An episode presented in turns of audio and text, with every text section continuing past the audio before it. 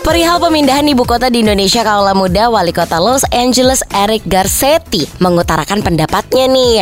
Menurutnya, walaupun Jakarta sebentar lagi nggak menyandang status sebagai ibu kota, Jakarta bisa selalu jadi salah satu kota terhebat di dunia. Beliau menilai Jakarta ini punya kesamaan sama Los Angeles. Katanya baik Jakarta maupun LA itu sama-sama kota pusat keberagaman, kreativitas dan juga pusat wirausaha. Makanya disarankan pemerintah provinsi DKI Jakarta tetap fokus aja nih ngembangin kreativitas maupun sumber daya manusia.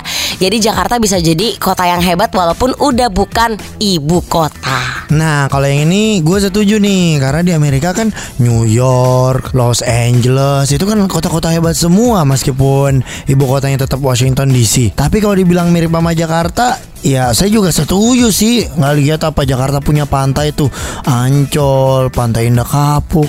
Kayak Los Angeles kan? Ya Jakarta emang ada LA Pak. Lenteng Agung tapi. Iya aduh cuma kejauhan. Kagak ada air-airnya itu bu. Tapi sebenarnya statement itu tuh lumayan familiar ya di telinga gue sebelumnya karena Pak Anies Baswedan ini pernah mengutarakan hal yang sama.